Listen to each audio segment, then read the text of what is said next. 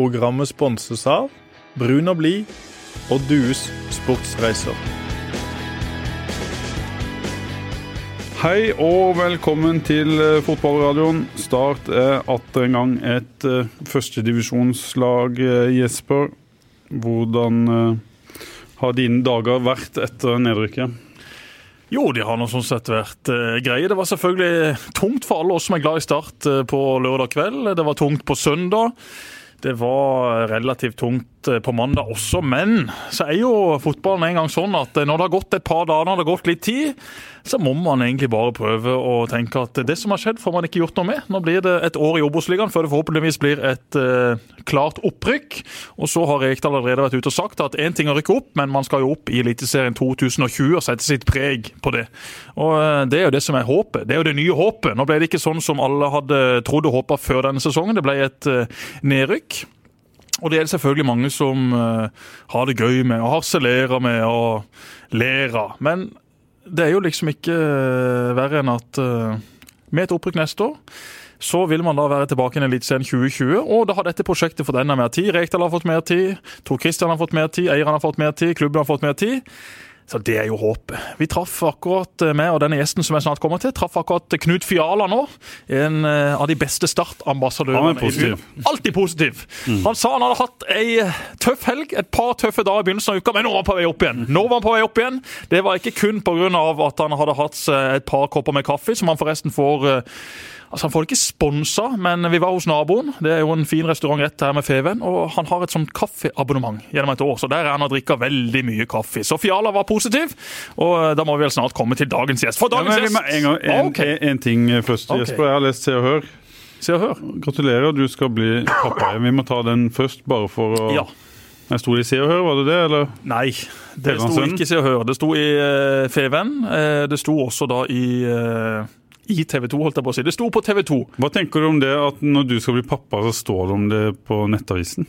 Det er ikke så, For meg gjør det ikke noe. For meg gjør det egentlig ingenting. Jeg har vært vant til det hele livet. Jeg holdt på å si, jeg har ikke blitt pappa hele livet, men at uh, ting jeg gjør, står om i avisa, det, ah, det har et veldig avslappa forhold til. Det var jo meg sjøl som fortalte om dette i regi av ei sending vi hadde med TV 2.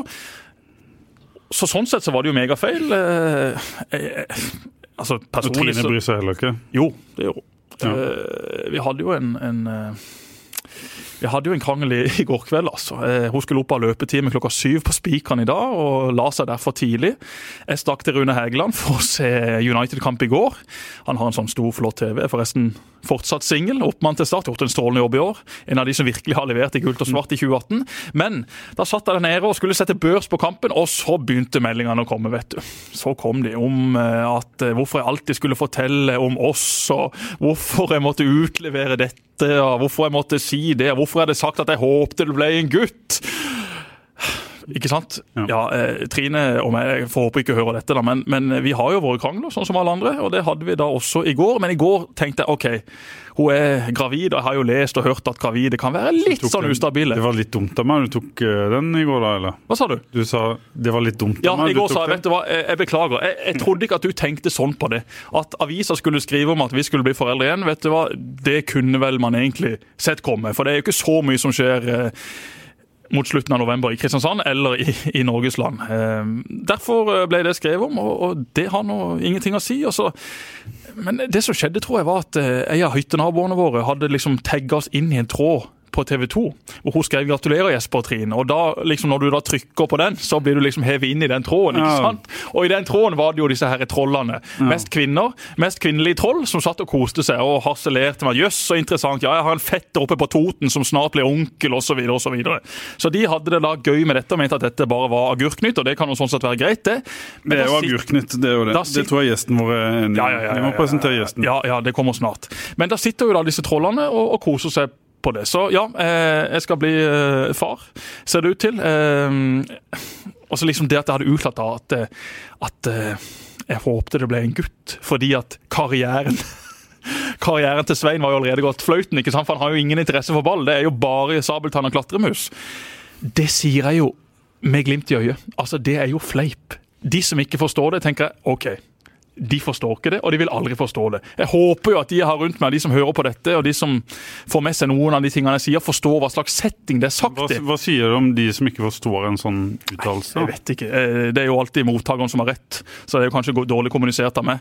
Men jeg føler iallfall at jeg har en stil hvor jeg sier ting som ikke alltid er ment bokstavelig. Jeg sa at jeg håpte det ble en gutt. Eh, om det blir ei jente, så eh, er nå det like hyggelig, det. Det viktigste var at ting gikk som de skulle. og ja, nå får vi se, får vi se hva det blir. Gjesten? Gjesten, han er gutt. La det være null tvil om det. Han eh, kom hit eh, til start eh, for ikke altfor lang tid siden. Han har akkurat vært ute og spist lunsj med meg nå, og så bestilte han seg en sånn kaffe. Så jeg tenkte ja, ja, jeg skal hive meg på kaffekjøret og prøve å virke litt voksen her også. Det var en veldig sterk kaffe, Tor Christian Karlsen. Ja, det var- en dobbel espresso. Ja, med så liten kopp. Ja, det pleier å komme i det. En begynner jo ikke med det hvis en først skal begynne å, å drikke kaffe. Så er dobbel espresso vel noe av det verste en kan introduseres eh, Italienere starter vel med det, så Ja. de har jo ikke lagd noe annet enn oss.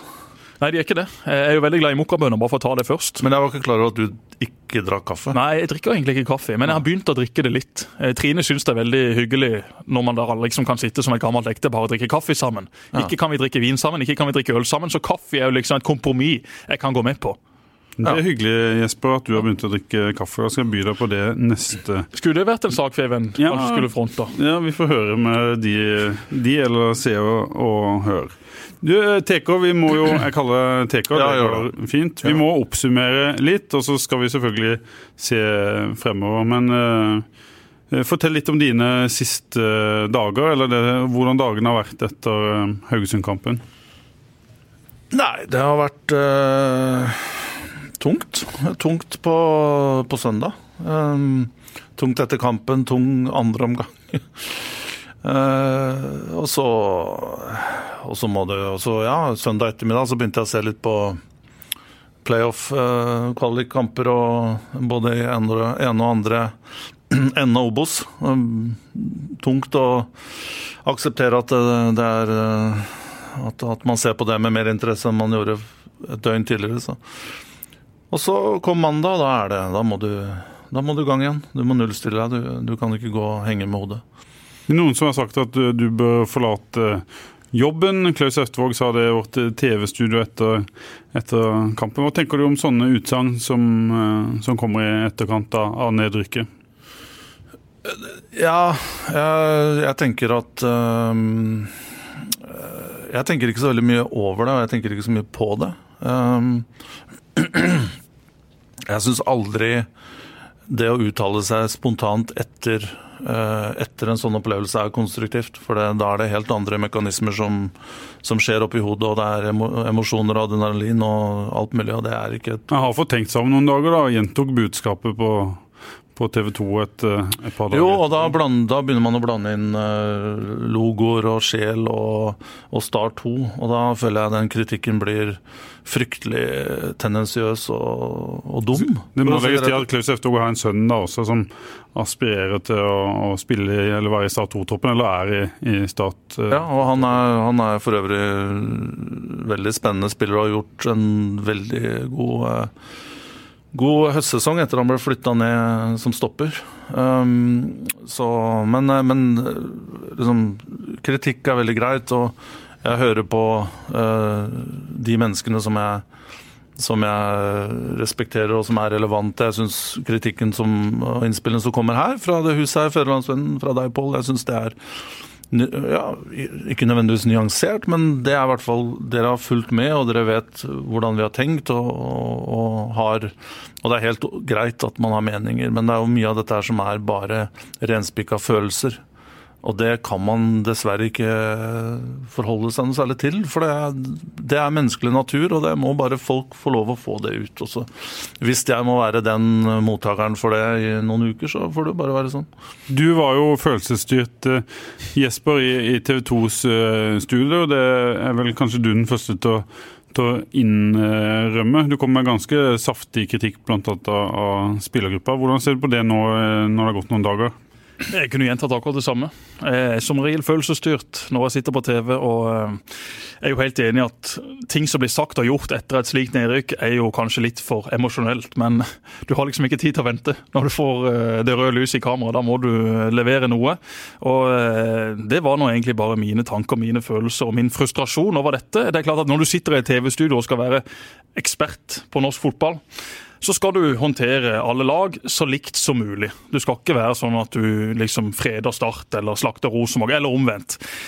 Jeg har jo et starthjerte, og innimellom så blir det synlig på TV. Jeg kan nok være hardere mot Start enn jeg kan være mot de aller fleste andre. Fordi at eh, Jeg vet selvfølgelig mye om hva som skjer, men også fordi at dette her går jo inn på meg også. Som en, som en starter, som en patriot, eh, som en god kamerat til veldig mange av de som er involvert. Og så kan jeg jo forstå at noen syns det kan være litt ubehagelig. Men eh, fra min side så er det jo alltid dette jeg har sagt, at eh, man må jo prøve å skille rollene så godt som mulig. Og det føler jeg at jeg, at jeg klarer så godt som mulig. Det er klart at det vil aldri bli 100% men eh, når jeg da fikk det oppspillet, og, og Marius spurte meg hva hva føler du nå? Hva tenker mm. du nå? Så var jeg rett og slett utrolig skuffa over det som var vist i den kampen. Og Da snakker jeg om det som ble vist ute på banen. Rekdal kunne nå lagt akkurat den planen han ville. Kunne stilt med seks bak, elleve bak, elleve foran. Det hadde ikke hjulpet. Når man blir passert på det viset, når man slipper inn mål på det viset, når man opptrer på det viset, da fortjener man å rykke ned. Og Det var vel det jeg sa i, i ganske klar tekst. og Det samme så du i denne nøkkelkampen borte mot Sandefjord. Mm. Det kunne vært bytta 11 mann etter 15 minutter, for ingen var på jobb. og Det er jo det som er ekstremt skuffende med disse prestasjonene, som nå gjør at Start ryker ned i Obos-ligaen. At jeg sier det, ja, det blir det selvfølgelig oppstøy rundt, og sikkert veldig mange som har reagert på det, både enige og uenige, men det er nå engang sånn jobbene mine, og det tror jeg og håper jeg de aller fleste forstår. Hva har gått feil i dine øyne? Det er brukt ja, 40-50 millioner kroner, så er en tilbake på samme sted der en starta? Nei, Det har jo vært mye som har gått galt. Det har jo vært mye som ikke har gått som man hadde håpet. og Det tror jeg jo Tor Christian og, og alle i Start er de første til å innrømme. Det er jo ikke noe tvil om at det å rykke ned etter å ha brukt så mye penger Nå skal det jo sies at ikke alle disse pengene har blitt brukt på spillerkjøp. Det har blitt brukt på å dekke noe latent underskudd og, og styrke organisasjon osv. Men det er jo brukt veldig mye penger på spillerkjøp også. Veldig mye mer enn Start har brukt de siste årene. og Derfor ble jo forventningene, om ikke skrudd i taket, så ble de skrudd rimelig høye. Mm. Derfor ser jo mange på dette som en fiaskosesong, som en eh, eh, fra Starts side. At dette var jo det som ikke skulle skje. Og, og det kan man jo sånn sett være helt enig i. Jeg var bekymra før sesongen, for i den garderoben så syns jeg det mangla noen typer, det mangla noen stake. Mm. Det mangla noen som virkelig fikk med seg de andre og heva de andre. Mm. Og det syns jeg jo liksom, når vi er inne på dette med prestasjonene mot Haugesund mot Sandefjord, at det ser ikke ut til at folk bryr seg. Ok, De lokale, som virkelig bør gå foran. Espen Børufsen var ikke med i disse kampene. Det var synd. For han er den typen. Han er den typen i garderoben, han er den typen på banen. Ja, han er ikke den mest verbale, han er ikke den som uh, sier det mest konstruktive, men du ser i alle fall på måten han løper på, takler på, skyter på, vil på, at det gjør noe med de andre på laget. I disse kampene her så ser det ut til at folk bryr seg ikke. Ok, De som er utenlandske, tenker OK, vi rykker ned, kanskje blir jeg henta. Jeg har samme lønna i Obos-ligaen, jeg har det egentlig ganske greit her. Og de lokale ser helt paralysert ut. De også ser ikke ut til å bry seg. og Det er det som skuffer meg mest. En ting er at man kan mislykkes. Altså, man... Når du sier ikke bry seg, så, så, mener du ikke det i ordets rette forstand. Du, du, mener at det mangler noen syke, noen egenskaper som gjør at du, du klarer å løfte deg opp på nivået som kreves når det er mye press? Ja, det gjør jeg. Men også dette som ikke går på å bry seg. Altså, Mange ganger i år så ser du spillere som stiller opp for mediene uten sponsorgenser. For eksempel. altså, det er en veldig liten detalj, men det går på hvor bevisste er spillerne på hvem som er arbeidsgiveren din, hvem som betaler lønna di, hvem som faktisk bruker masse tid og masse penger på at du skal ha en klubb som folk skal komme og se på. Altså, det er jo ikke derfor Start rykker ned, men det er sånne små detaljer som jeg mener der må man komme. Det må slå ubevisst inn hos spilleren, eller bevisst, eller hva det, hva det noen gang heter, at OK, i ettermiddag skal Feven lage en sak. Da stiller jeg ikke opp i Nike. Da stiller jeg opp i en sponsoratgenser, som faktisk er den gjengen som betaler min lønn. Sånne ting. Det er det jeg mener med å ikke bry seg. Selvfølgelig ute på banen, men også da utenfor banen. Jeg savner litt respekt for de som faktisk driver denne klubben, for de som investerer masse tid og penger i dette. Teko, du har jo tatt Eh, din del av et eh, ansvar som kanskje må, eh, må deles på, på flere. Hva, hva tenker du er hovedårsakene til at eh, det ikke gikk sånn som dere hadde håpa? Ja, um, det er jo klart um, Det er vanskelig å Altså, det, dette er jo sammensatt, som du vet, Pål, og det er jo um, Altså, det er jo, det er jo Jesper nevner noen ting her. Men det er klart vi må, vi må, også se at det er veldig små marginer her. og Vi var nære Ullevål. Vi fikk en elendig trekning i semien. Vi, vi stilte opp uh, der med seks-sju spillere uh, som, var, uh, som, var, nye til den kampen. som mange var skeptiske til, og så kommer de inn og gjør en god figur der. Var nære å få ekstraomganger. Og så hvis vi sannsynligvis hadde redda plassen, det er to poeng forskjell, tre poeng opp til ellevteplass, hadde kanskje folk dansa ut på gaten her. Og det, og det kan ikke være sånn at da hadde alt vært da hadde alt vært bra. Og da hadde alle vært genier, og alle hadde vært liksom Og, og den, den derre skillet mellom geni og idiot kan ikke være så tynt at, at det dreier seg om ett mål eller, eller to mål. Men uh, nå endte vi opp der at, uh, ja, at, at uh, vi må ned, ned, i Obos. Og det er klart, Vi har jo ligget og vaka mest under den streken hele sesongen. Vi har ligget i bunn halve sesongen, så det er klart at det her var jo ikke nødvendigvis en, en, stor overraskelse at det ble sånn med den tøffe innspurten. Men det er klart når vi får det utgangspunktet som vi har, med hva var det, fire poeng på det første ni, eller var det det første ti, Pål? Ja, fire poeng på de første ti kampene. Ja, Så det vil altså si åtte tap. En seier og et, uh, en uavgjort, vel. Ja, så det er, den, det er, jo den fryktelige starten på sesongen. Og Hadde vi slått Sandefjord eh, på hjemmebane, f.eks., som vi burde gjort, så hadde vi jo mest sannsynlig holdt plassen. Så eh, de store feilene som jeg på en måte tar på, som jeg forstår at jeg må ta på min kappe og aksepterer at settes ved meg, det er jo den strategien på at vi henta for mange unge spillere på én gang.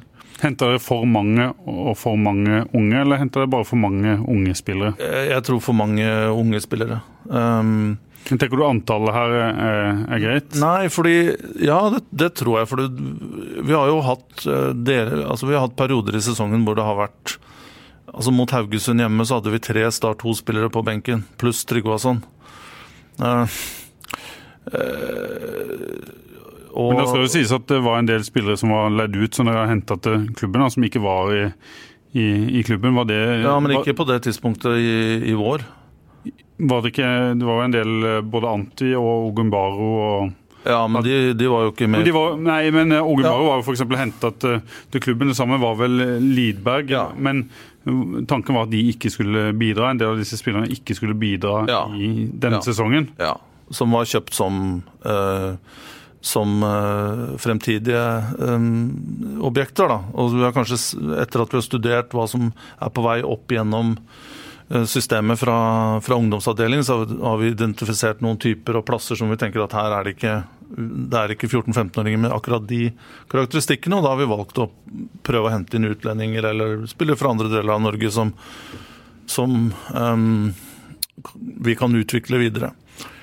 Um, men uh, ja, det, det, er jo den starten der, og eh, vi, vi, trengte lederskikkelser. Det er det jo absolutt ingen tvil om, og det ga jo seg, tvil, det ga jo seg klart til syne også i Obos i fjor. Mm.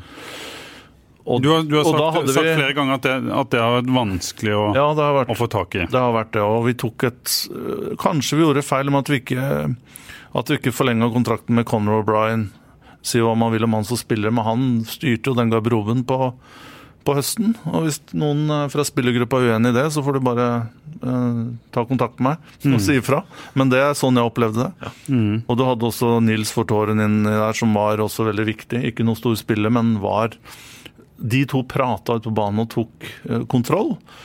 Og så trodde vi at vi kunne erstatte dem med, med lignende typer og enda bedre eh, ferdigheter. Ja. Men det lyktes vi ikke i, og det, det, er jo det vi betaler prisen for. Helt klart. Mm. Og så er det klart det er små marginer, som Tor Christian sier. ja.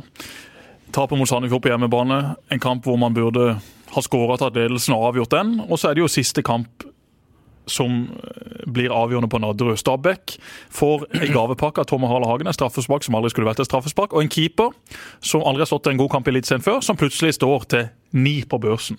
Det er klart at det var ei skåring til godset der unna at Stabæk hadde gått ned og Start hadde fått kvalik. Men samtidig Tor Christian, så er jo du fullstendig klar over at sånn er fotballens mekanisme. og Du skjønner jo at folk rangerer dette som suksess eller som fiasko, basert på disse små, bitte små detaljene. Og det er jo det som er så sjarmerende og morsomt og triggende med fotball også. Ja, det er, det er, eh, det er helt uh, naturlig. Og, men det er klart, vi, vi må jo uh, og, det, og det er på en måte drama som, som, kommer i ettertid, og at det kommer innspill og, og oppfatninger om, som drar i en og andre retning, det jo, må man jo bare leve med. Men for min del så handler det om at hvis, hvis jeg hadde følt at jeg hadde gjort en Eh, elendig jobb. Og hvis jeg følte at jeg eh, ikke kunne være med å bidra, og hvis jeg følte at de menneskene som jeg jobber med fra eh, Jeg traff IK i dag med Stian og Monica, som alltid er veldig positive. og vi har hatt møter med Start en drøm, investorene og, og, og med Kjetil, det nærmeste. Hvis de hadde sagt til Christian det er det her klarer du ikke. Eh, vi fortsetter uten deg, så hadde ikke det vært noe problem. Det er, det er ingen dyr mann å kvitte seg med. Det hadde jeg tatt, eh, kommet meg opp på E18 så fort som mulig. Men den beskjeden har jeg ikke fått. Eh, og jeg har fått beskjed om at jeg fortsetter og vi skal jobbe videre. Og da må man jo på en måte velge. Jeg er i hvert fall ferdig med det, og jeg ser fram til 2019 og vi skal få, få sving på det her. Men er dere ferdig med eh, evalueringa av sesongen allerede? Vi er, eh, vi er, godt i gang. Eh, Kjetil har hatt uh, møter nå i går, altså mandag, tirsdag og i dag. Først i plenum med gruppa. Og i dag, nei, i går og i dag så har det vært spillemøter én til én. Og så har det også vært en evaluering fra spillerne av, av trenerteamet, støtteapparat, meg. Jeg har blitt evaluert. Ehm, så Og vi har fått tilbakemeldinger på Hva tenker du skal komme ut av en sånn eh, evaluering? Bortsett fra konkrete tilbakemeldinger, da tenker jeg mer for, for stat som klubb og, og ditt ansvarsområde. Ja, jeg er jo egentlig mer interessert i evalueringen som kommer fra de jeg rapporterer til. Uh, og for så vidt også de som har kunnskap rundt i, i det lokale her, som dere ved bordet her, annet. Det, det lytter jeg til, og, og, dere kjenner klubben og omgivelsene så godt at det, det, det veier. Uh, og det har, det har uh, pondus. Og så er det jo interessant å høre også hva spillerne tenker, og hvordan de har sett sesongen. Uh, og det gjør også at det faktum at de får en stemme og får eh, fram den eventuelle frustrasjonen og plusser og minuser, gjør at vi også kan være klare på tilbakemeldingen til dem. da.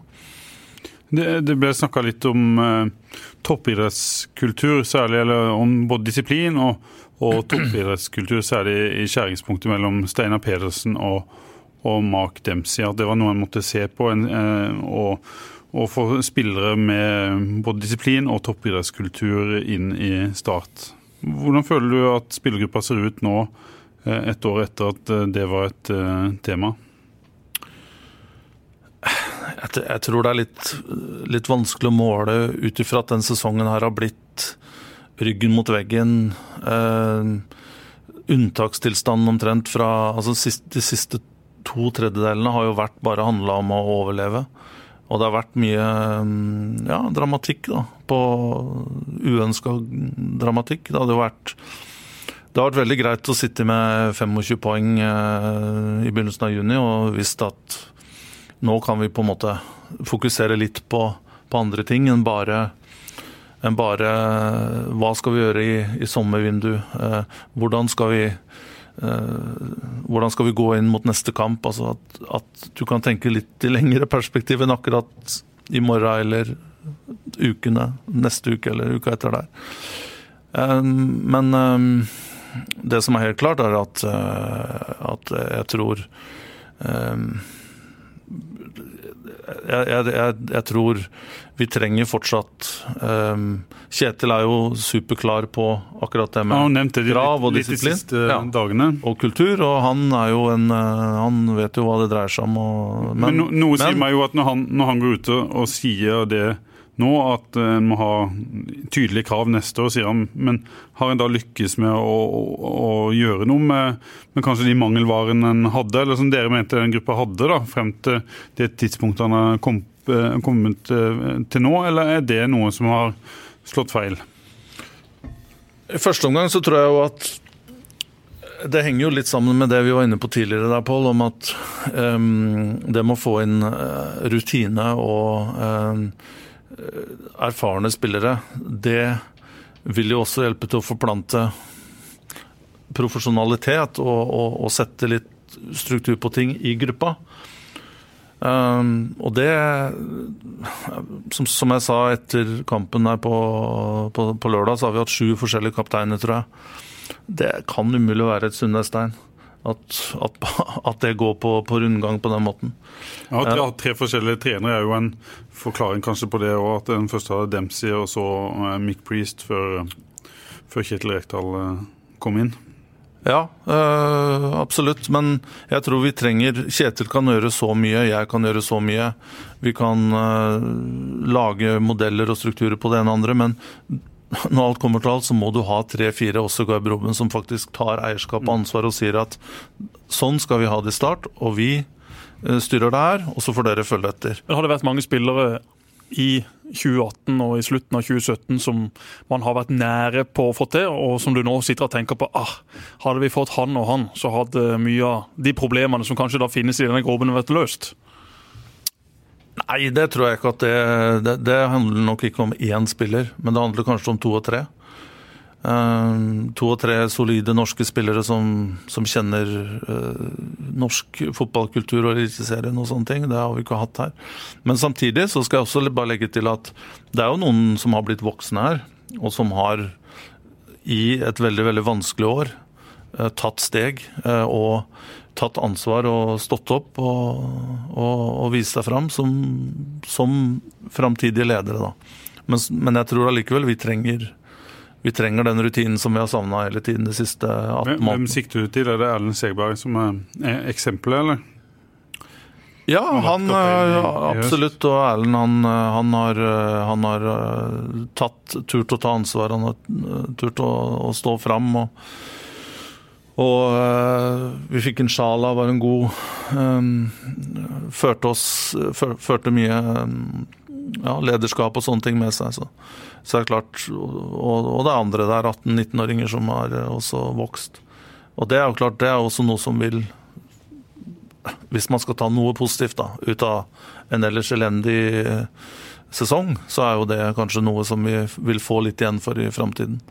Ja, og Neste år i Obos-ligaen så vil det jo være flere av disse lokale som får nøkkelroller. Eh, Vikne, ja, han har gjort noen feil denne sesongen. Han eh, gjorde en fatal feil oppe på Lerkendal mot Rosenborg. Men en spiller som er så ærlig, som trener så hardt, som jeg aldri egentlig trodde skulle bli en spiller på dette nivået, han applauderer egentlig. altså. Når jeg kommer med min kritikk eh, til spillerne og flere av de lokale, så er det liksom en kar som Vikne er det liksom umulig for meg å bli forbanna på. For vet du hva, han har kommet inn i dette laget, han har fått muligheten, kanskje litt for tidlig. Kanskje han ikke er god nok riktig ennå, men så flink han har vært til å trene, den utviklingen han har hatt, så tror jeg bare den vil fortsette. Og han får en nøkkelrolle i dette mannskapet neste sesong. Det samme gjør Segberg, som har tatt eh, store steg som spiller. Også han en, en spiller som jeg aldri hadde noe sånn kjempestor tro på da han kom opp. Jeg syns det gikk for seint. Det var eh, for lite kraft i han. Utvikla flere sider av sitt spill, og gjennom en knalltøff vinter så tror jeg han vil være enda mer fit og klar for det som venter neste sesong. Og så Tobias Christensen, da, som vi har stor tro på her på Sørlandet. Det har vi fortsatt, selv om ikke han leverte en stor sesong i Eliteserien i år. Man trodde jo at han virkelig skulle få sitt gjennombrudd, han skulle få en nøkkelrolle. Dempsey hadde jo de planene. Så kom eh, Kjetil inn, spiller på en litt annen måte, trenger litt andre spillertyper. Som Tor Christian helt riktig sier, Start har kjempa i bunnen to tredjedeler av sesongen. og Det gjør noe med trenerens inngang til dette, spillemåten osv. Tobias må jo ta mål av seg til neste år og være en dominant spiller for Start og være en dominant spiller i Obos-ligaen. Hvis ikke han er det, så blir jeg ekstremt skuffa. Der må lista ligge for han. Det er ikke sikkert eh, at han kommer til å bli det, men der er målsettinga nødt til å ligge, for så god kan han være på sitt beste. Og Start kommer til å styre 27 av 30 kamper. Altså Start kommer til å presse alle lag lavt. Ikke presse de lavt, men de kommer til å gjøre at motstanderne må, må presse lavt. Og da trenger man finesse, teknikk store, sterke folk inn i boksen osv. Altså, disse spillerne har jo Start. Se på hva som rykker opp i år. Med all respekt for vikingene og Mjøndalen. Start kommer til å ha en betydelig sterkere stall i 2019 enn det disse lagene hadde i 2018. Sandefjord rykker ned med Sifuente som en spennende trener som blir opprykksfavoritt sammen med Start, eh, hvis ikke noe helt spesielt skjer. Eh, de kommer til å være gode, men det er klart Start skal jo feie rett gjennom den divisjonen. La det være null tvil om det. Og da er det et par av de som har skuffa i år, som kommer til å få ekstremt viktige roller neste. For Tor Christian har jo også vært åpen på at det er blitt henta veldig mye spillere i hvert eneste vindu. Det har jo vært gale-Mathias på Facebook Live den siste dagen, hvor eh, Evin har løpt ut og inn med papirer, og du har sittet i telefonen, og det har vært eh, full ståhei. Sånn blir det jo ikke i fortsettelsen. Det blir naturligvis en del skifter, men det er jo ikke noe du ser for deg kommer til å skje nå i vinter, at det skal være så mye utskiftninger. Nå er det vel om å gjøre å tune denne stallen her inn til å håndtere Obos-ligaen ganske greit, vil jeg tro. Ja, har jo, det har jo vært en del av de møtene vi har hatt nå de siste to dagene med, med trener Kjetil og Kristoffer og, og, andre. Um, komponeringen og uh, ja, hele logistikken rundt det. Men um, jeg, igjen, jeg skal ikke prøve å bortforklare, men det er jo klart Man må jo prøve å forklare, i hvert fall.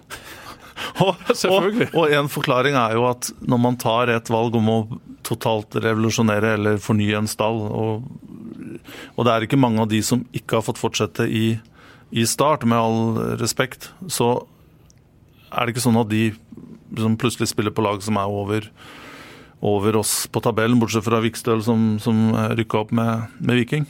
Men ehm, Og da er det en Det er jo en, en greie som vil gjøre at man må nesten bruke litt tid på å finne ut er vi i riktig retning her? Nei. OK, vi må få det tilbake. Uh, slik det blir justeringer hele veien. Um, og så håper vi nå at uh, Jeg tror at hvis vi klarer å treffe på to, kanskje tre, litt mer rutinerte spillere, så blir det enklere å plassere inn alle disse unge rundt, rundt den stammen. Så det er nok utgangspunktet tror jeg, for den um, aktiviteten som vi vil se på. inn mot. Men ambisjonsnivå, eller ambinasjonsnivå, som Karsten ville sagt, når du nå henter spillere, er jo fortsatt at det skal være spillere som hadde klart seg godt i Eliteserien. Altså Kravene på hvem du henter inn, er jo ikke endra drastisk fordi at man spiller en lavere divisjon. Vi vil fortsatt se spillere som kommer inn her, og som er da tenkt å være lederskikkelser fra dag én, og som også er tenkt å være viktige brikker for Start i Eliteserien 2020. Men en ting jeg må bare stoppe. Blir ikke utfordringa her å kvitte seg med spillere og ikke hente? Når en uh, teller over, så er en vel på 28-29 kanskje totalt. Og så sier Kjetil Rekdal at 18-20 utespillere pluss pluss tre keepere. Det, det er jo noen utfordringer her som må ja. løses før en kommer dit. Ja, men man må jo ha to-tre tanker i hodet samtidig. For det samtidig som vi eh, Jeg er allerede i gang med å snakke med, med agenter og agenter til spillere som kanskje ikke vil få så mye spilletid i, i 2019 i start. Så den, den um, ja, også, De samtalene er jo i gang. Er økonomi en del av, av disse tingene, eller handler det om ting sett fra et sportslig synspunkt? Det må være en, her må det være en, eh, en kombinasjon, selvsagt. Det er jo ikke sånn at vi gir bort eller uh, fristiller spillere som vi har betalt x antall kroner for. Det, og det er unge spillere, så det, det, her må vi jo finne en, en, en balanse. og Det handler om timing osv. Akkurat nå, 28.11 er det vel, så er det jo ikke det markedet så veldig det er ikke så mye bevegelse det her i Norge. Så Men når er det bevegelse? Når er det viktig for Rekdal og det og resten av klubben å liksom ha satt en, en stall, fått rydda unna de spillerne man ikke vil ha med, og samtidig få på plass et par av de som skal bidra? Det Selvsagt, den endelige komposisjonen prøver vi å få på plass så tidlig som mulig. Men dette er jo ikke vi som styrer alt det. Og, men vi har jo sett hvordan det fungerer her i Norge, at det er jo gjerne i mars hvor det virkelig blir bevegelse. For mange klubber venter kanskje to måneder for å spare lønnskostnader i, i januar og februar. og da, da, begynner det å skje, og spillerne forstår at ja, kanskje ikke jeg får muligheten til å spille her, så jeg må begynne aktivt å se etter andre ting. Men samtidig, selv om vi kanskje ikke har fått liksom, plassert alle de som ikke vil få spille til start, så må vi jo, hvis det er gode muligheter til å hente inn spillere som er Eh, passer inn den profilen som vi ønsker, så er det klart at vi må, vi må agere. Mm. Men eh, det er jo klart, dette er jo også en jobb, eh, eller en utfordring som vi hadde i fjor, og da var vi i serien. Så det er klart at disse spillerne som vi har, ønsker oss Jeg går ut fra at det er flere enn oss som som ønsker den type profil, og de vokser ikke på trær. Men Hvis du har hatt en, en spiller som har vært utlånt til, til Åsane eller til HamKam, som ikke har levert det store i Obos-ligaen, som da kommer tilbake igjen til klubben, og hvis Kjetil sier nei, han, han, har ikke, han, har ikke, bruk for, hva gjør man da hvis man ikke blir kvitt spilleren? Nei, men det, Den samtalen får vi da ta i, i mars. Eh, men, eh, og det blir jo hypotetisk, Jesper. Men, ja, men vi, må, de, vi må snakke litt hypotetisk. Ja, jo da, men de samtalene er jo i gang. Ja. Og de spillerne forstår jo også at dette er unge spillere, de fleste av dem, og de ønsker å spille. Og det er faktisk scenarioer dette her som dukka opp allerede for ja, noen uker siden, da, hvor de forsto at ja, eh, hva gjør jeg neste år? Ikke sant? Så, Men Kan det være enklere å få lånt ut spillere enn å, å selge de eller overlate de til andre? Ja, absolutt. Men i Norge så er det jo sånn at det er mange klubber som ofte har behov for spillere. Um, gjerne i nest høyeste nivå, og, um, og, og, kanskje også på det høyeste nivå. Litt avhengig av, av typene.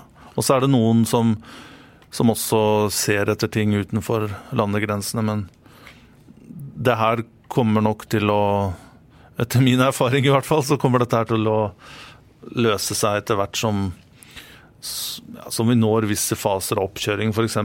vi skal reise til Gran Canaria um, slutten av januar, og da er det jo I ukevis?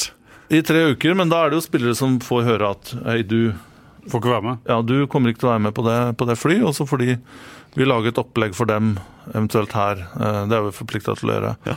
Men det er jo klart, sånne ting, det vil jo frem... Men så er vel historien også I'm Nick Friedman. I'm Lee Alec Murray. And I'm Leah President. And this is Crunchyroll Presents The Anime Effect. We are a new show breaking down the anime news, views, and shows you care about each and every week. I can't think of a better studio to yeah. bring something like this to life. And yeah, I agree. We're covering all the classics. If I don't know a lot about Godzilla, which I do, but I'm trying to pretend that I don't right Hold now. it in, hold on. And our current faves. And... Luffy must have his due. Tune in every week for the latest anime updates and possibly a few debates. Oof. I remember, what was that? say what you're going to say, and I'll circle back.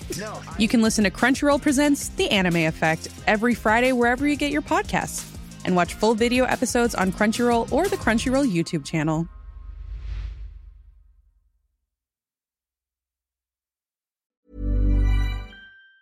Så full av, av spillere som har vært avskrevet i november, og som plutselig ser freshe og fine ut i januar. Det kan jo være spillere Pål, det har jo også vist sett utallige ganger i start. Spillere som har vært avskrevet etter en sesong, og så kommer disse her kampene i Sørlandet. Sånn, det blir ikke noen av de i år, da, men så er det plutselig spillere som får tillit, som gjør det bra.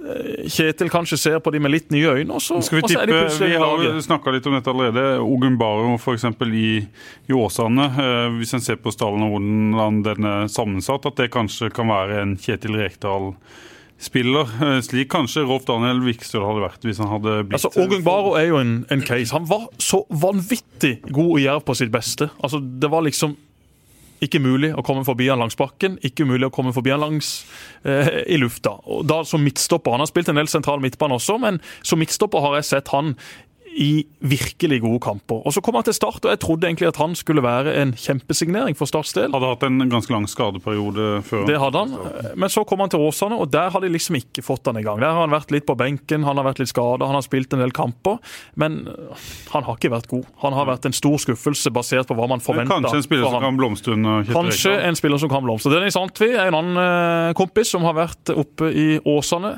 Han har også vært litt ute inn av laget, vært litt skada i likhet med resten av Åsane angrepsrekke. De rykka nå også ned til slutt, etter å ha blitt rundspilt av Koffa i den eh, siste av de to kvalikkampene. der. Daniel Fredheim Holm forresten klar for Koffa. Spennende signering for Når det gjelder eh, Antvi, så tror jeg han eh, der, er Min mening er at der må det noe mer til. Hvis han skal være på et lag som dominerer i Eliteserien, så må han spille midtspiss, og det får han nok aldri gjort i Det gjør i Start, ikke. Det gjør nok ikke. Men også Dennis Antvi da, er jo en sånn case, litt sånn som Ogung Baru, som Ogung Baro, ikke U, Mm. som, som var veldig god jerv. Altså, så husker jo Da Start møtte Jerv i disse kvalikkampene, det var Dennis man frykta. Mm. Dennis, som først var på prøvespill i Start, bodde i kjellerstua mi, Trine lagde ris osv. Den har vi jo lagd, den har vi fortalt mange ganger, så vi skal slippe å ta den nå. Men han også har vi jo sett kan være utrolig god på sitt beste defensivt. Løper på alt, og løper egentlig på mer enn alt. Løper jo masse unødvendig, litt sånn som Terje Ellingsen i sine glans. Han løp alltid etter baller som gikk ut over dørlinja, bare for å få applaus fra publikum. Altså, Har du sett noe så dumt? Hvis du ser en ball som er på vei utover dørlinja, hvil. Stå i ro, kom deg tilbake. Ikke bruk masse krefter på å løpe etter den ballen som du ser er helt håpløs. Men begge disse to som nå har vært i Åsane, kommer tilbake. Jeg tror ingen av de får spilletid for Start i 2019. Jeg tror ingen har noen framtid i Start, men de har nå i alle fall vist for ikke altfor lang tid siden Ja. at de kan gjøre et eller annet på Obos-nivå. Så har du Isak Lidberg, som er en mye yngre spiller, som har vært i HamKam, og som heller ikke har vært god. Han øh, har øh, vært litt ut og inn av laget. Ingen på Hamar som er direkte begeistra for han. Han kommer hjem, men han er jo en ung spiller, da. Som eh, jeg har et inntrykk av at er veldig treningsvillig, og som vi skal være litt forsiktige med å avskrive riktig enda. Et utlån for Anto Christian, må jo være det som er mest sannsynlig i 2019. Ja, vi får, vi får Hypotetisk. Ja, Vi skal ikke gå inn på enkelttilfeller her, men, øh, men øh, en, Den type spiller, da. Altså En Ja. ung spiller som kanskje ikke er god nok for Start i 2019, vil de jo prøve å få leid ut for å se om han kan få den utviklinga man håper. Det var jo derfor de henta han. Ja. Jeg, jeg regner med at øh, vi Som sagt, vi har jo ikke kommet helt gjennom alle disse samtalene, og det blir feil å gå inn på, på enkeltspillere. Vi kan ta en, en positiv case, da. Det syns jeg er Mikael Ugland som, som jeg gleder meg til å se. Han har jo kommet tilbake og trener med oss, øh, og Filip Aukland også, som har vært i Arendal og, og hatt en OK høst. Og spesielt Mikael har vært på, fått veldig mye positive tilbakemeldinger fra landslagsledelsen. eh, Og hadde en veldig god utvikling i, i, um, i Fløy. Men Nicola roser han veldig. Og han er jo veldig spent på å se hva han kan, Ja, få til og i månedene akkurat dette med spillere som leverer på diverse landslag for Norge, de er spennende. Da er de blant de fremste i sine kull, og når de leverer der, så kan de selvfølgelig levere for Start i Obos-ligaen neste sesong. Som jeg sa i sted, Start kommer til å styre flesteparten av disse kampene. Ugland, Christensen Det er klart de må ta mål av seg og ha nøkkelroller neste år. Hvis Men ikke det kan, de jo klarer det da det kan jo umulig ha vært noen, eh, noen eh, plan om eh, Nå skal jeg være litt kritisk her, da. Om når en henter så mange spillere som det en gjorde altså har- Ugland var jo landslagsspiller i, i fjor òg, og så kommer han nå og, og banker kanskje på en eh, dør. Da hadde dere ikke tenkt at han kunne gjøre det? Eh, For hvis disse utlendingene hadde, hadde funka, så hadde det jo vel ikke vært noen plass til Ugland? Ja, men altså det, det vet man jo ikke. Altså, det kommer jo an på hvilket spillesystem man spiller, og filosofien til treneren og osv. Men kan ikke glemme at Ugland er jo 2000-modell. Så han ble jo 18 først, i år. Så det er jo Du du vet jo aldri når er det riktig at en spiller på en måte jobbes inn. Men det er ikke noe tvil om at, si- at Lidberg og Floke og disse som lånt ut, at eh, det er vel ikke tenkt til sånn to-tre års perspektiv før de eventuelt skal slå til, eller er det det? At de, Nei, men, men la oss si casen med Ugland, da, som var konkret, som du spilte meg opp på. Hvis Start hadde holdt plassen, som var planen, så er det jo ikke sikkert at Mikael nødvendigvis hadde vært klar for å spille Eliteserien. Men nå, i og med at vi er der vi er, så er det jo eh, spennende å se hva han kan få til i, i, eh, i, eh, på nest høyeste nivå, eller i hvert fall i oppkjøring. da. Men det er jo klart Spiss er jo en veldig Er jo en veldig sånn Skal vi si, da. En veldig mm, nå- Nåløyet er veldig trangt hvis du ikke leverer. Vi trodde jo aldri Vi starta med Floki. Vi, han hadde en god oppkjøring. Skårte mål i de to første kampene, gjorde han ikke det? Og så, så var det slutt. Mm.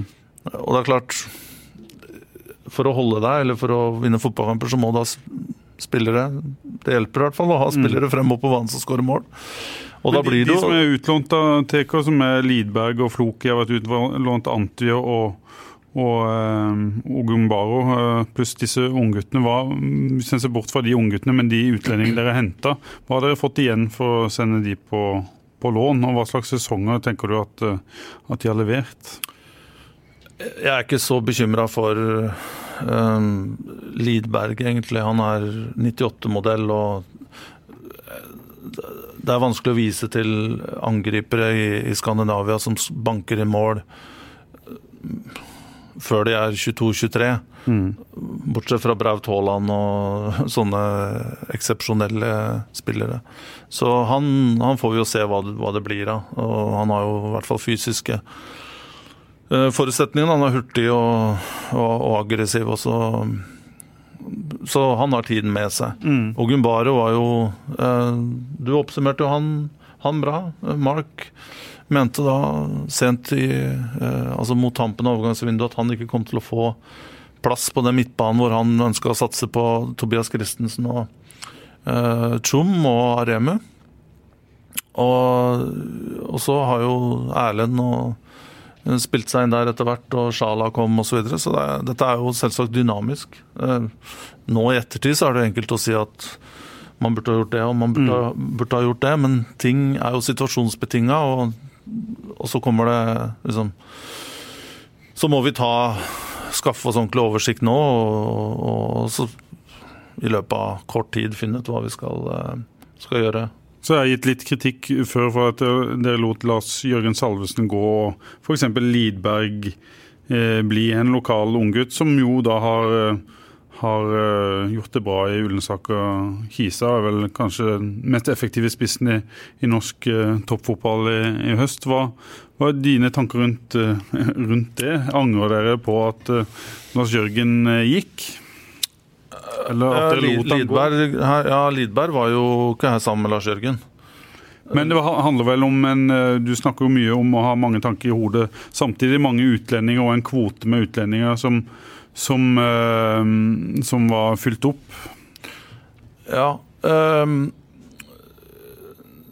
ja, men eh, Det handla også litt om at bare sånn, Dette blir jo et teknisk spørsmål. Da. Du Ja. kan jo låne ut sju, Mm. og så var ikke vi helt Ja, det var det jeg Ja, ja, mente, ikke ja. utlendinger, men dette tekniske spørsmålet. ja, riktig, Hvor mange en kan låne ut, er vel riktig. Ja. Ja. Altså, igjen, det er jo Det er ikke jeg som tar beslutningene om hvilke spillere som skal bli satsa på eller ikke. Det er bare for å Jeg er med i, i, i diskusjonen, men til enhver tid så er det trenere som velger lag. Mm. Så jeg kan Det er jo Det, det må jo være også en, en, en, en Men dere må ha en disku, diskusjon om dette er du som skal hente inn Ja, men nå, men nå, ja, men nå var spørsmålet om, Ja. om Salvesen. Og Ja. da føler jeg at i det tilfellet der, så må man jo da spørre egentlig Mark Dempsey og egentlig også Kjetil, hvorfor Mm. de heller ville satse på andre alternativer. Det føler jeg at de bør eh, svare på, ikke jeg, i det Mm. tilfellet her. Da skal jeg stille spørsmål på en annen eh, måte. Vil dere ha Lars Jørgen Salvesen tilbake til start? Du, det Det spørsmålet har vi ikke egentlig tatt noen god diskusjon på akkurat nå, men det, det er vel noe vi kommer til å prate om neste, neste dagene, tipper jeg. Men da han reiste, så ble det gjort en avtale med Kisa om at han kunne hentes tilbake igjen til start, stemmer det? Ja, vi har, vi har en eh, det, det ligger noe elementer der som gjør at vi kan eh, Som kan gjøre det lettere for oss å få han til, til Sørlandet, men dette er, er jo tekniske og konfidensielle ting som ligger mellom klubbene som ikke jeg kan utdype det. Og så var Kjetil Rekdal inne i avisa her og meldte at det blir ingen trening i Sørlandshallen 2019. Det blir først tre uker, er det det, på Gran Canaria. Ja. Og så blir det x antall uker på Marbella, ja. eller i Marbella. I Marbella, Det er visstnok det det heter. har jeg lært. Ja. Hvor mange uker i Marbella? To. to? Det heter på La Manga, da. Ja, men det heter visstnok i La Manga også. Det heter også i Island. Fordi at det er et land. Ja, okay. så jeg er i VG veldig hissig på dette. Heter det i Australia? I, I Japan? Kypros. I Japan? Ja, siden det er land, så heter det visst det. Ok. Da har vi oppklart det. Men Fortell litt om, om, eh, om planene for neste år. Vi lar det som har vært eh, ligge, og så må vi se litt, Ja. litt fremover. Så slutt å plage deg. Nei da, det, det er helt, helt eh, legitime Men det er jo naturlig at spørsmål. eh, du Ja. blir litt plaga i disse tider. Altså, Sånn er jo jobben Ja, din. Du blir rett og godt. Det er én Ja. ting for oss som jobber på TV. Vi kan si hva vi vil. Vi kan levere det tabelltipset vi vil. Det er ingen som sjekker det i etterkant. Jo, kanskje et par, men det er jo liksom glemt. Det er jo historie. Ja. Nå er jo du også tvunget til, som Knut Fiala og alle andre supportere, til å se framover. Så Men jeg er uenig med deg der, Jesper. Okay. Jeg syns signalene som har kommet fra start, er litt for mye se fremover. Eh, Jeg vil gjerne hørt eh, at eh, Langeland og co. eh, at de tok tak i, i Og jeg tror kanskje de gjør det. altså Kanskje signaler ut da, som handler om at uh, vi må se fremover. Men jeg håper virkelig innad at de tar tak i ting som har vært, ser på beslutninger som er gjort. Uh, Hva kunne vi gjort uh, annerledes? Hva kan vi lære av her? Jeg håper ikke det er sånn som de gir uttrykk av, at, det- at det er noen møter, og så ser vi fremover. tro meg, men, men, men, hos men Pål, her, her, må jeg, hos- her, her må Ja, jeg ja, ja. skyte inn for det.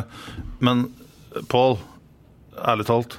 Dette er jo samtaler som vi har hatt fortlø altså i kontinuerlig. Ja, Fra jeg, jeg håper dag en ser på et til nå. litt større bilde. Ja, men da. tror du uh, Unnskyld, jeg, men tror du virkelig at vi tar lett på det her, og at vi, vi ikke har lange diskusjoner og prosesser og evalueringer av oss selv og hvordan, hvordan ting er gjort? Nei, jeg vet, jeg vet jo at det, at det kan jo være vanskelig å se seg sjøl inn i et, et bilde som, eh, der det er tatt beslutninger som en sjøl er en eh, del av, og evaluere de. Det, det kan jo være veldig vanskelig. Så jeg håper at, at det blir tatt alvorlig. Jeg sier ikke at dere ikke har gjort det, eller hva jeg, hva jeg tror eller ikke. Det vet jeg ikke. Men jeg syns kanskje signalene som, som kommer ut nå, både fra ledelsen og fra, fra der, er eh, nå må vi på en måte signalisere at dette er over, og så kommer det nye. Jeg, jeg, Men hva, hva er det du vil, da? Er det, og, og det lurer jeg faktisk um, virkelig på.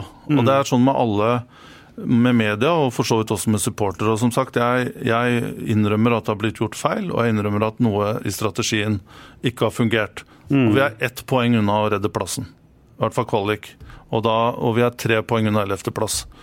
Og som jeg da sier at da, da er ikke nødvendigvis alt feil. Og at man skal dra i gang en lang prosess hvor Hva, hva skal man gjøre? da? Skal man liksom gå uh, jeg bare lurer på hva, ja, ja, hva en tenker nei, nei, i start at om hvor lenge skal måte, hvor lenge skal man gå og angre og la liksom negative tanker og eh, se på, tilbake på beslutninger og mikro overan... Altså, det er problemet med fotball noen ganger. Hvis du ikke lykkes, så er alt feil, og du overanalyserer. Og det kan du prate med hvem som helst, til og med Pep Guardiola eller, eller eh, folk som har opplevd og er mye flinkere enn meg, eh, kan si. Men også føler jeg liksom Ja, vi Men det vi, både Langeland og jeg og Kjetil Rekdal, vi bruker 18 timer hver dag på start, og vi diskuterer akkurat som vi gjorde også med, med Mark Dempsey, og vi analyserer, og vi går tilbake på beslutt, altså vi går tilbake og ser både, både kort og lang perspektiv på hva vi har gjort. Vi har jo spurt Langeland nå er ikke han her, flere ganger hva, har dere gjort noe feil på veien. Har dere gjort noen store feil? Er det noe dere ville gjort annerledes? Og Der svaret på det ofte blir eh, nei. da, At en ikke klarer å, å se det. og da, eh, en Men Pål, så enkelt kan det være, da. Ja. Som vi har sagt her, at hvis vi hadde fått Joakim Jørgensen i august, så er det mulig at vi hadde tatt det ekstrapoenget. Mm. Eller to. Så, så lite kan marginene være. da. Kanskje vi også da hadde kommet oss til cupfinalen, hvem vet. Mm. Eller om noen hadde røska den riktige ballen ut av den fordømte bollen der. Ja. Og vi hadde hatt med hjemmekamp, så hadde vi også cupfinalen. legge en- Og da hadde aldri de spørsmålene her kommet. Så vel og bra, jeg syns mye av kritikken her er riktig. Vi hører, vi lytter, og spesielt du, Pål, jeg syns du er konstruktiv. Men det, det kan ikke være sånn at plutselig skal vi liksom gå inn i en lang prosess med sorg og med legge oss flate Og det er ikke dø. det jeg mener i det hele tatt. Vi, vi må jo komme oss videre og i gang igjen. Det er jo det som er poenget. Dere skal komme dere videre og i gang igjen, og dere må legge en strategi for det som skal komme. Og Hvis en da fortsetter å ta hurtige beslutninger og ad hoc, mye adhoc-løsninger som er tatt over en lang periode nå, og hvis en ikke går tilbake og ser på hva som er blitt gjort og hvilke konsekvenser det får, så mener jeg at det kan være utfordrende å legge en god strategi for å løfte denne klubben opp der Ja, men- en skal. Ja, men Paul, når, vi blir- når vi er enige om at det er ett poeng som skiller, som skiller divisjonsstatus, eller to poeng, så, så Men hvis ikke en hadde redda plassen i, i år, så hadde jo ikke eh, det som skjedde på Det som har skjedd tidligere her, det hadde jo ikke sett veldig mye bedre ut. Nei, men, den, føler at jeg men, kan den, men den diskusjonen her hadde i hvert fall aldri funnet sted. Nei. Og da hadde ikke folk engang engasjert seg. Jeg, jeg håper den diskusjonen hadde funnet sted. det vet du veldig godt at det hadde vært jubelstemning og det var det ene og andre, men vi hadde allikevel sett og evaluert, som vi har gjort hele denne sesongen her, Ja. på hver eneste beslutning. Ja, men det, Så det kan du i hvert fall være veldig trygg på, at vi tar ikke lett på noen ting. Nei, men, det- det men sier jeg ikke. samtidig, Det- så må, samtidig så kan man ikke gå og grave seg ned og gå i uker. Nå kommer jule, jul, nå kommer, eh, nå kommer eh, ny sesong. Og sånn må det være her i livet, altså. Det, det, men ja.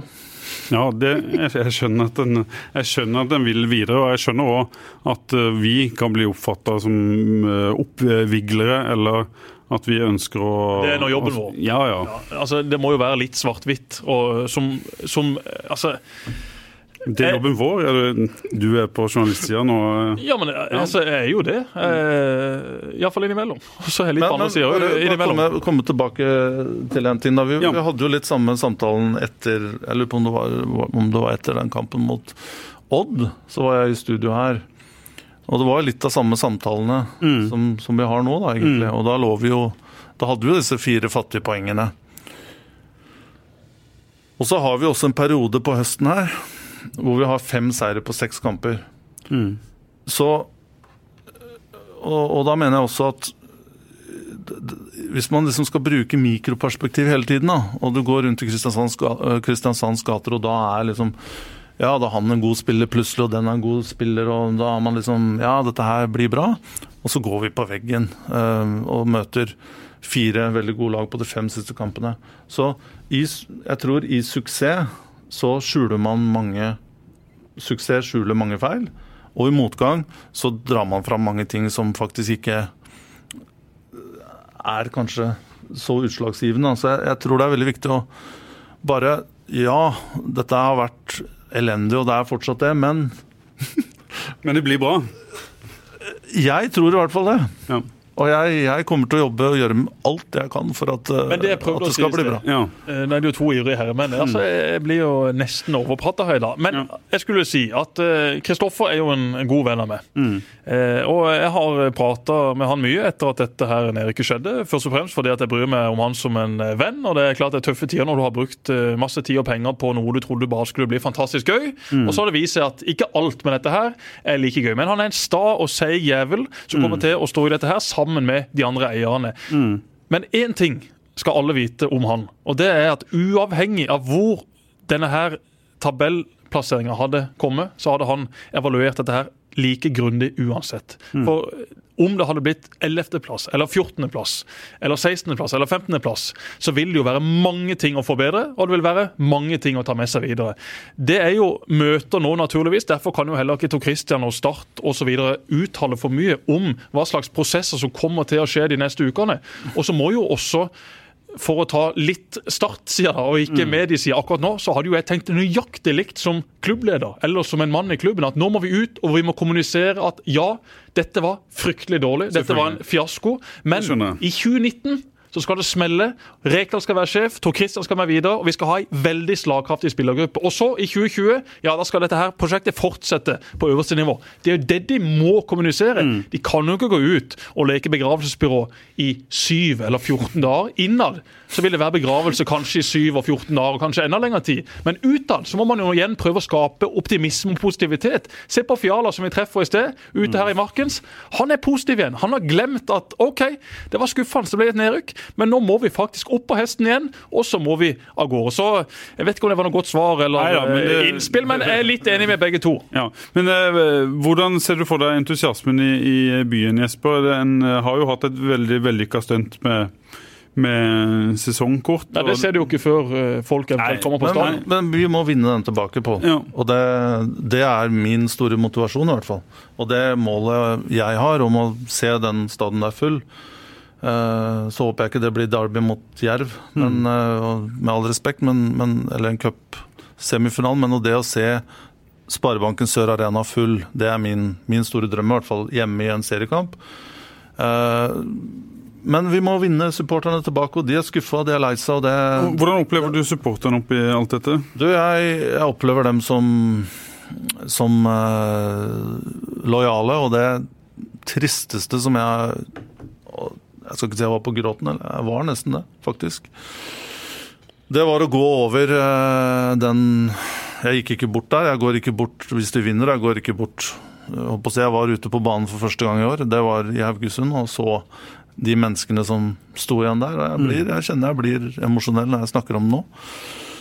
For den støtten vi har hatt i høst har vært helt enorm. Vålerenga borte er noe av det mest ville jeg har sett, i, i hvert fall i, i, i startsammenheng. Helt fantastisk. Eh, Vi hadde vel 80-90 ultras, eller hva det var, som nekta å hoppe på busser i sentrum og skulle marsjere gjennom eh, fra, på T-banen opp eh, Helsfjord der. Og gjorde et vanvittig inntrykk. Og vi hadde samme i Sandefjord. Og det å skuffe da, og det å ikke vise seg fram, og det å ikke kunne vinne og gi disse supporterne Det å vite at de våkner opp neste dag og føler seg dritt, det er en fryktelig vond følelse, altså.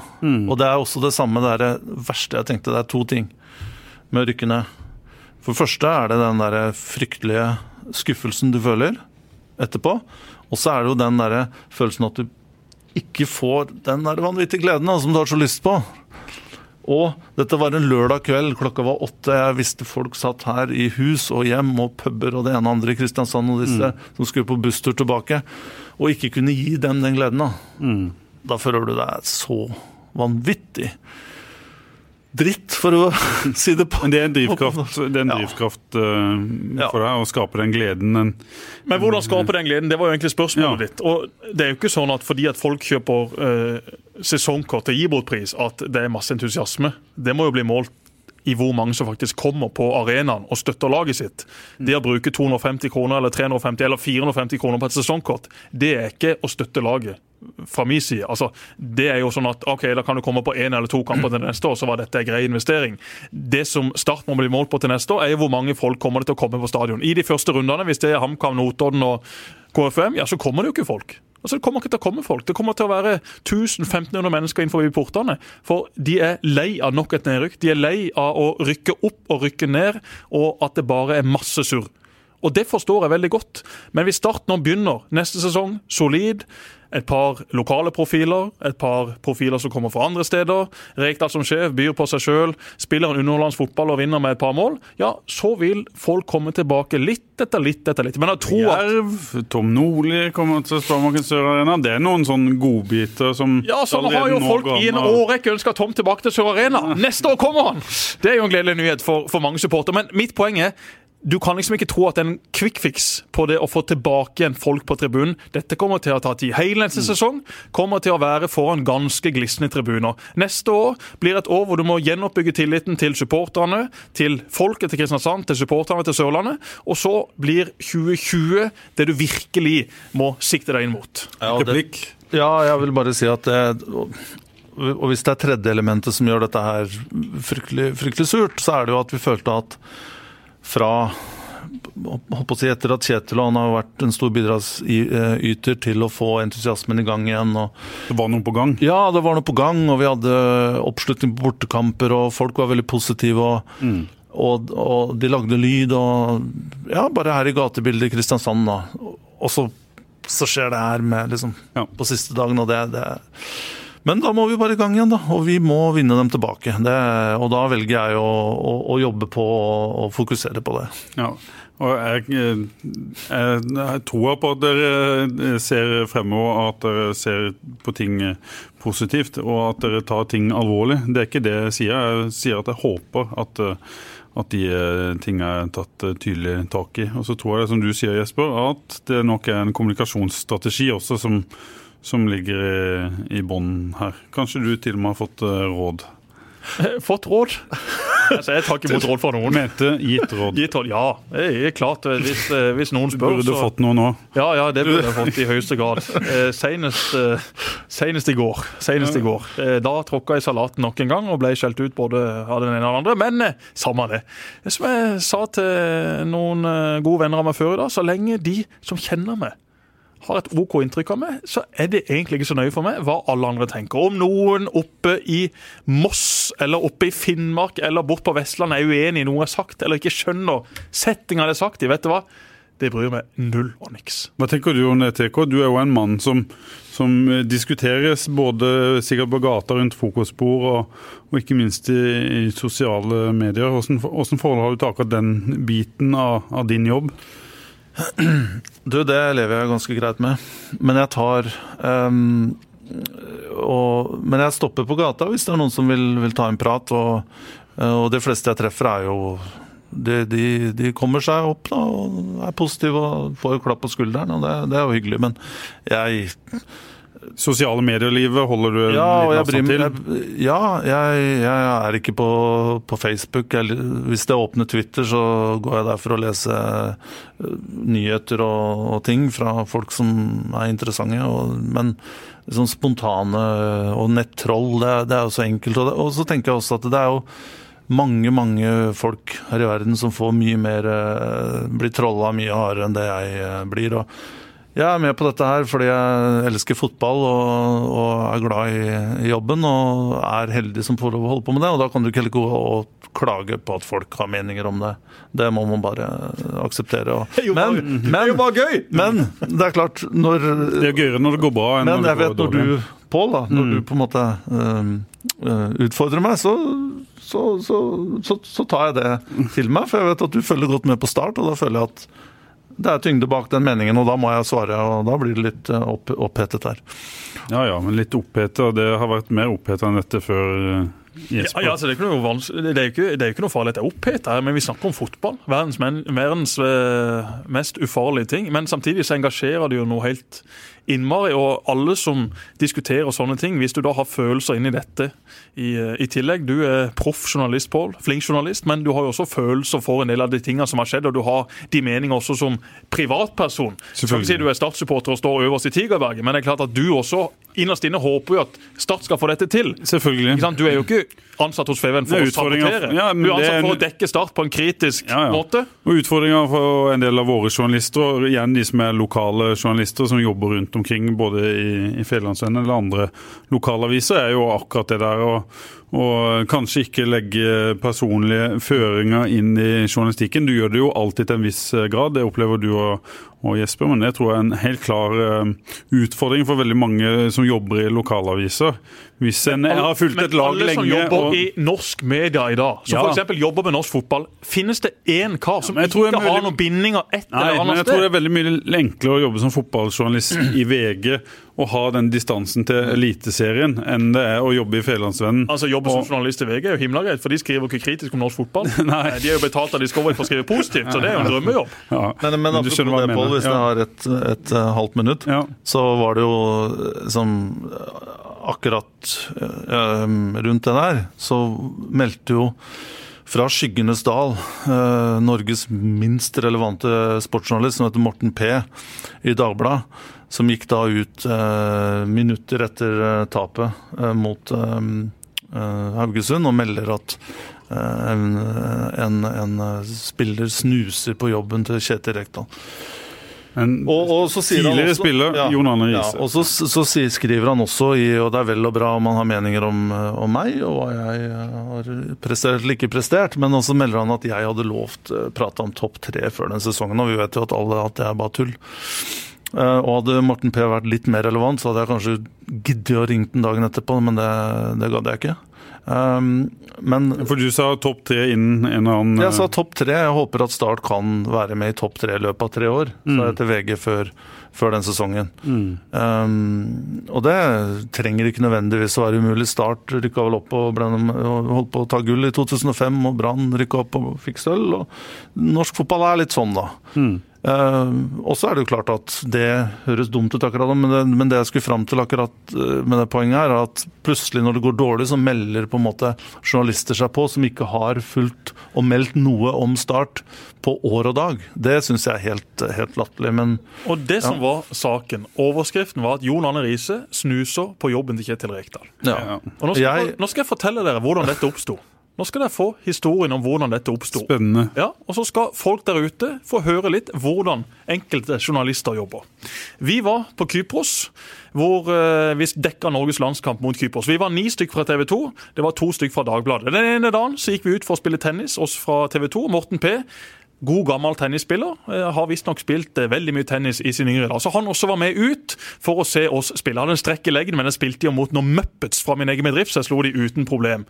Og så det som hadde skjedd dagen i forveien Jeg fikk en melding fra Jon Arne Riise. For han har vært på trenerkurs uka som var før denne kampen i Kristiansand. Kristiansand. Ja. Og Han kunne tenke seg etter hvert å bli trener. Han sendte meg en melding og spurte skal Kjetil Rekdal være trener også neste år. Ikke pga. at han skal ha Kjetil Rekdals jobb, men fordi at jeg tror han, eller jeg vet at han kjenner Kjetil. Og at han helt sikkert da vil ringe til Kjetil og spørre du kan jeg komme ned og lære litt. Kan jeg være med deg på noen treninger, på noen møter? Han hadde sendt den samme meldinga til Marius Skjelbæk om hvem som skulle være trener i HamKam. For å kunne komme og lære litt der. Altså Han har jo ikke papirene som skal til for å bli trener ennå, men han har sagt det. Jeg har lyst til å bli fotballtrener, og da må jeg rundt og lære litt. Han hadde også da sendt melding til Davy for å spørre er det Lars Arne som er tenkt å være trener neste år Det er med samme melding til flere, det har vi hørt. Ja, Jon Arne har gjort dette før, men her hadde han faktisk eh, skrevet litt om osv. Det at han sender rundt sånne meldinger, det er nå helt greit. Og så sa vi det på tennisbanen. Ja, nå har Jon Arne lyst på trenerjobb. Nå sjekker han både Brann, Kamma og Start. Sa jeg til mine kolleger i TV 2 mens Morten P satt der. Aha. Og det kokte han sammen til denne saken. Jon Arne Riise er ikke på jakt etter trenerjobben i Kamma, Start eller Brann. Riktig enda, sikkert etter hvert. Men dette var en melding da for å sondere hvem er trenere i Norges fotball neste år. sliter med ironi. Ja, altså, Hvis ikke Men- han forsto at dette var en fleip, hvis ikke han forsto at John Arne Riise ikke skulle ut for å tro at han skulle bli en trener i Eliteserien Ja, min gode venn John Arne har jo slitt litt med selvinnsikten til tider i sin karriere, men her er han da ute etter å lære, skaffe seg litt impulser osv. Men- men- Det var hele casen. Ja, enough. Bare men- for liksom å vise hvordan Ja. journalister innimellom Ja, men dette er jo jungeltelegraf og, Ja, ja, og, og fem høns, eller hva det er. Men, men det jeg syns er jo rart, er at det er jo ikke en sak i seg selv, og den kommer liksom tre minutter etter at Kjetil har stått i, i miks. Jeg syns det er ufint. Og så syns jeg også at det er jo ikke en sak at noen om, Det spiller ikke noen rolle om det er Jon Arne Riise eller noen som helst andre, at noen snuser på jobben. Ja, kanskje jeg snuser på sportsdirektørjobb i Juventus, men Juventus snuser ikke på meg. Nei. Og det er det, det, er det En viktigste her. vesentlig forskjell. Ja, korrekt. Men hadde du tatt den hvis de hadde snust på det? Om jeg har snus på meg? Nei, jeg, Nei, om, om, jeg om Juventus hadde snust på det, kunne det vært aktuelt. De er gode da, Juventus, også vant i går mot Valencia. God humor i studio her òg nå. Ja, vi, begynner, vi begynner å bli litt trøtte. Ja. Eh, litt lav for blodsukker. Men skal vi si eh, klokka har løpt her? Ja, Ja. Skal vi si at det var nok, altså ja vi, vi, vi må jo ønske Tor Christian lykke til med eh, både opphørssalg og eh, nye signeringer. Skal du ha ferie nå?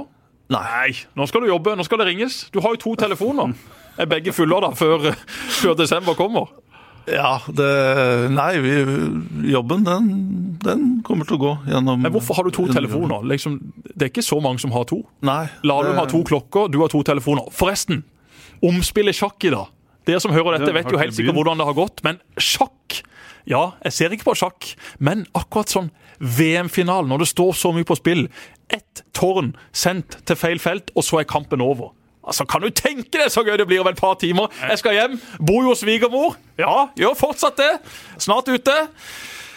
Men der skal det stå sjakk Kommer det en pasang? Kommer det Armageddon, eller blir det avgjort i lynsjakk? Armageddon blir nok ikke, det blir nok avgjort før den tid. Men det blir gøy, altså. Får vi se en rokade til høyre, får vi se en rokade til venstre? Jeg fatter ikke det der rokadegreiene. Jeg har spilt sjakk på barneskolen i halve år. Aldri noen rokade der. Vi hoppa med hesten dit, vi flytta bonden alltid to fram, for jeg tenkte da sparer du litt tid. Det er liksom der det stopper for meg på sjakk, altså. Det er utrolig fascinerende å se det huet til han Karlsen og det huet til han Caruana sitte og analysere og jobbe. Ja, kanskje ikke er det idrett, kanskje er det ikke sport, kanskje er det brettspill, men det er uansett utrolig fascinerende. Noe slår meg at du kanskje er en sånn sjakkentusiast, eh, TK? Eller, eller er du ikke det? det, jeg spilte mye sjakk i, før, i, i barndommen og ungdommen, men jeg, men jeg syns faktisk ikke det er så spennende på TV å se. Men uh, Joey Hardarson han følger jo hvert trekk. Ikke sant? Han er jo besatt av det her. Øyvind Alsaker også.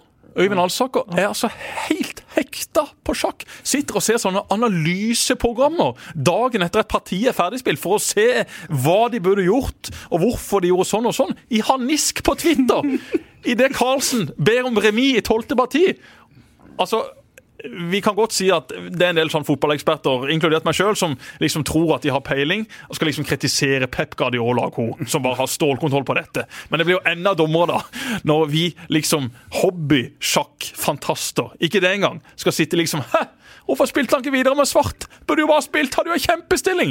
Ja, men altså, det ser vel Magnus Carlsen best. Hvis han ber om remis, så gjør han vel det av en grunn. Det er liksom vanskelig å kritisere den hjernen der for det, liksom. Enig i det. Vi lar det, vi lar det bli siste ord, og så sier vi eh, takk for at du kom, Teko. Takk selv. Snakkes vi om ikke lenge, Jesper. Halvtime til sjakken begynner. Programmet sponses av Brun og blid og Dues sportsreiser.